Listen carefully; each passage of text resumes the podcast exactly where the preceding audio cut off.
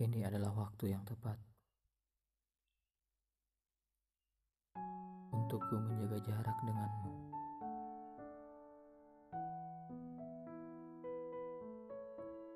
Bukan karena perasaanku pudar, bukan pula karena ada pengalihan perasaan dari seseorang.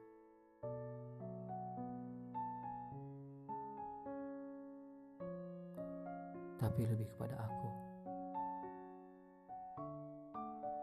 yang sedang menikmati luka dan lara.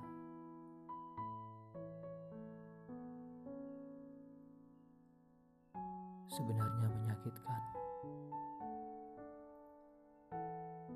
jika perasaan yang kita punya tak terbalaskan. Namun,